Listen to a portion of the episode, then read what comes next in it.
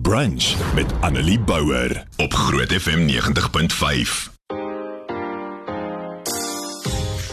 Vandag gaan ons bietjie gesels op praat ek luister oor 'n onderwerp waaroor ek baie opgewonde is en wat ek voel te min oor gepraat word. En in die ateljee saam met my het ek Dr Izara Ribeiro. Sy is 'n pediater. Uh, Goeiemôre. Goeiemôre. Hoe gaan dit vandag met jou? Baie goed met jou. Dankie dat ek hier kom wees vandag om met jou te praat oor autisme. Nee, dankie vir jou. So ons gaan bietjie praat oor autisme en um, ek dink mense het 'n idee in hulle kop van wat autisme is en dan mense dit is gewoonlik net wat jy op televisie of in die fliek sien en dis nie noodwendig al wat dit is of heeltemal presies wat dit is nie. So toe dink ek, kom ons praat bietjie oor autisme en ons lig mense net meer in oor die onderwerp. So, uh, dokter Ribeiro, sê vir my, wat is autisme? As jy so vinnig 'n uh, 'n oorsig moet gee oor dit. So autisme is of wat ons noem autistiese spektrum ehm um, 'n disorder in Engels, maar verstoring in Afrikaans is 'n baie komplekse groep neuroontwikkelingsversteurings.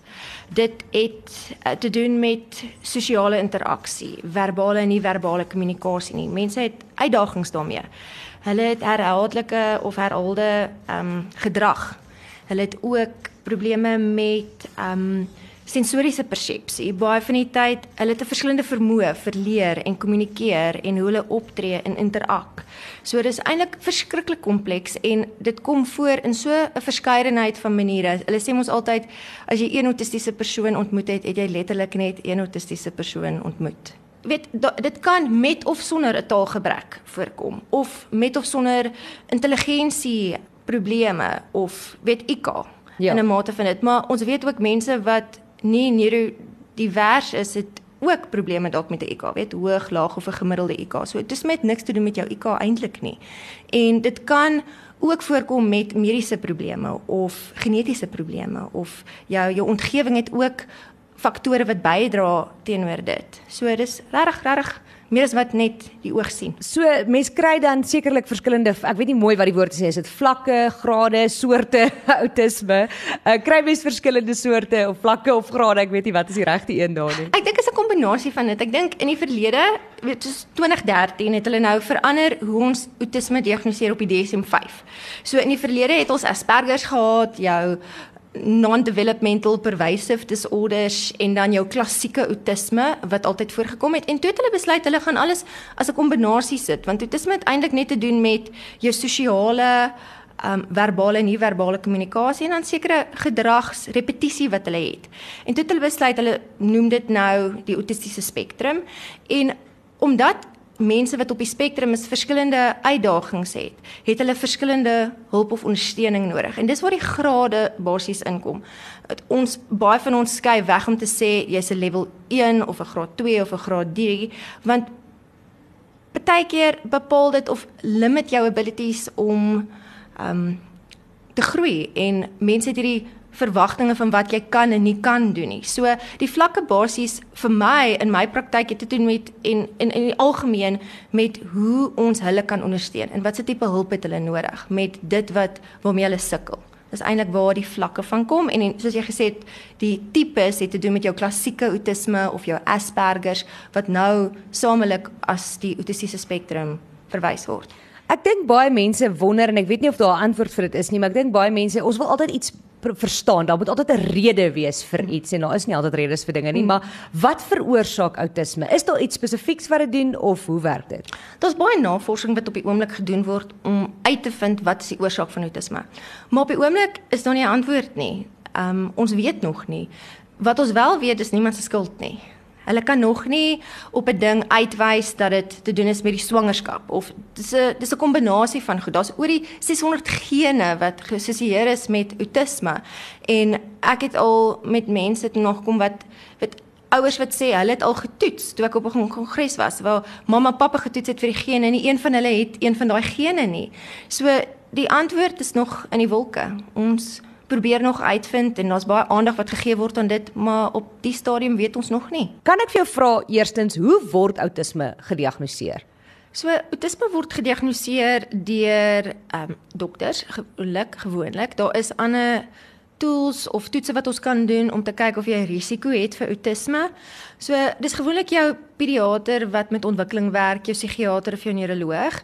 Daar is die DSM-5 wat ek vroeër genoem het wat ons gebruik wat eintlik 'n lysie is van goed wat vir ons sê die persoon pas in met hierdie sekere karaktereienskappe of eienskappe van outisme. So jy moet dit en dit moet ook 'n jou funksionering begin affekteer. So jou interaksie met ander mense, jou sosiale ontwikkeling, hoe jy met mense te nakom, jou sensoriese persepsie, is jy sensitief vir klank of daai tipe goed. So dis 'n hele proses en is meer ingewikkeld. Dis nie 'n ding van jy sit vir 15 minute en daai het jou diagnose vir dit nie. Omdat dit so kompleks is en daar so 'n groot verskeidenheid is van hoe dit presenteer, maak dit bietjie moeiliker.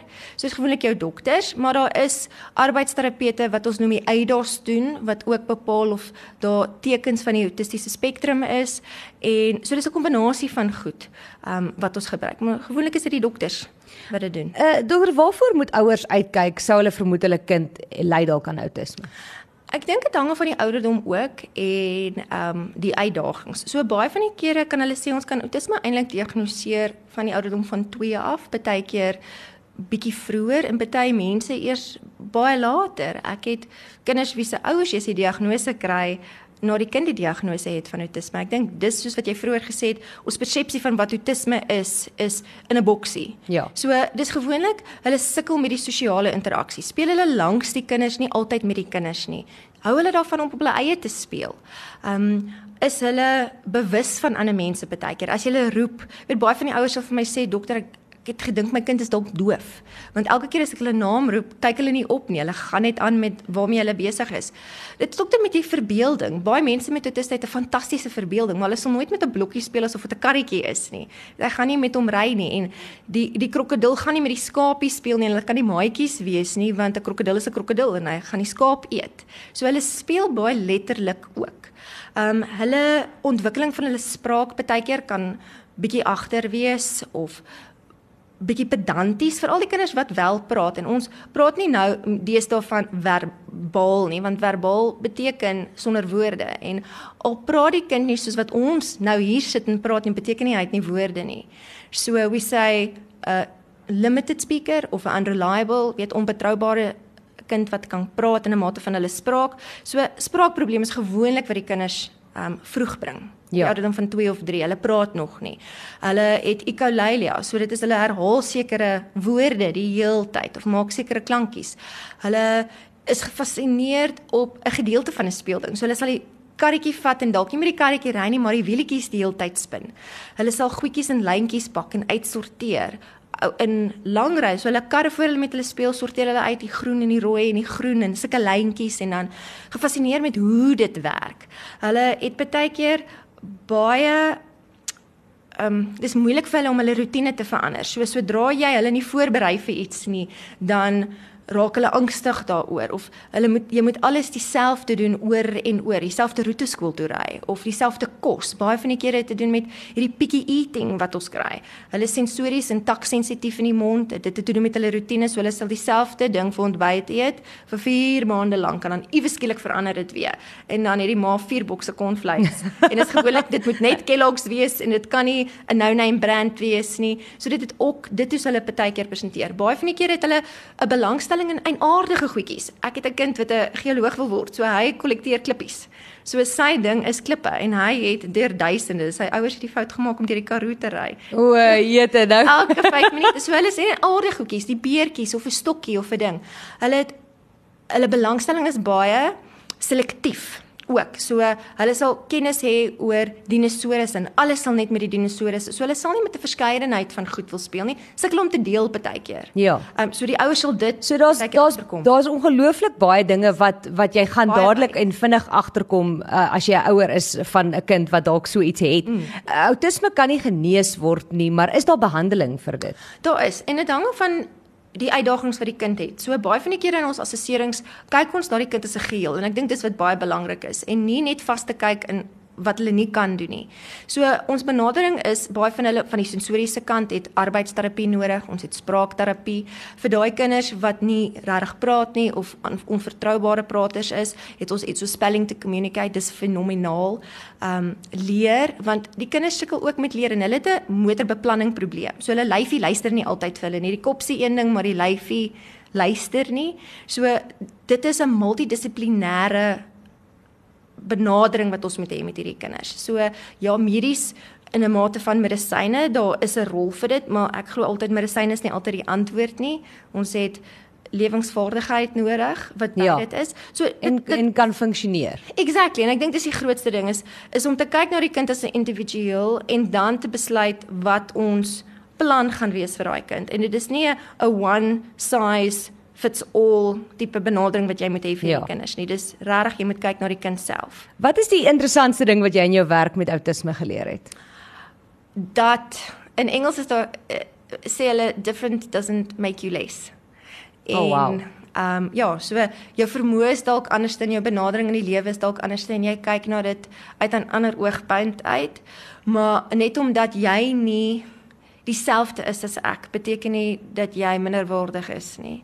En ek dink dis die grootste ding. Hierdie kinders leer my hoe dankbaar ek is dat ek met hulle kan werk elke dag en die kennis wat hulle het. Ek bedoel, ek het 'n 6-jarige wat wat 'n paleontologist wil wees en ek het nie 'n cooking clue gehad oor dit vir my sê die eerste keer wat dit is nie en sy kennis oor dinosourusse en ek bedoel een van my non speakers soos wat ons hulle noem het met hierdie spelling te communicate kon ek vir die eerste keer sy woorde hoor en nie by hom hoor deur wat mamma of pappa sê nie en ek het in trane uitgebars en elke dag leer ek iets nuuts van hoe anderste hierdie kinders is en hoe jy nie met elke kind onder dieselfde kam kan kam nie. Ja. So ja, ek ek kan vir jou 'n boek skryf oor al die verskillende goed wat ek al geleer het van hulle af, maar ja, dit is dit is amazing. Is regtig regtig, hulle is regtig amazing human beings. Dis ongelooflik om te sien hoe opgewonde jy oor die werk is wat jy doen.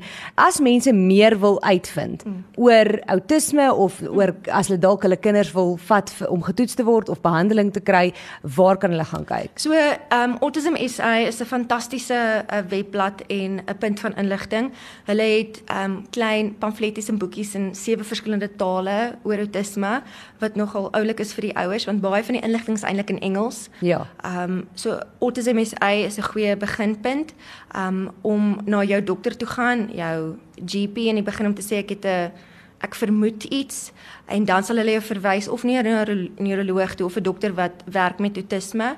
Um arbeidsterapeute, daai tipe ding. As jy vermoed daar is iets. Ek sê altyd trust your mommy and daddy gut. Ja. 'n ouer weet of iets nie lekker sit nie. En almal sê ag moenie worry nie, hy sal later praat. Ek dink ouers moet met daai stemmetjie luister en die beginkind punt is enige plek, weet kontak, soos ek sê autisme mense het 'n lys van mense reg deur die land. Um en dokters waarmee daar met met wie met weet met met die kinders met autisme werk. Ek dink Ja. dis die die beste punt. Baie dankie vir jou tyd vandag en uh, vir al die inligting wat jy met ons gedeel het en dankie vir die werk wat jy doen. Dit is regtig ongelooflik. Um, ek waardeer dit. So gaan kyk gerus op Autism SA uh, vir daardie inligting sou jy dit nodig hê. Annelie Bouwer. Weekoggend tussen 9 en 12 op Groot FM 90.5.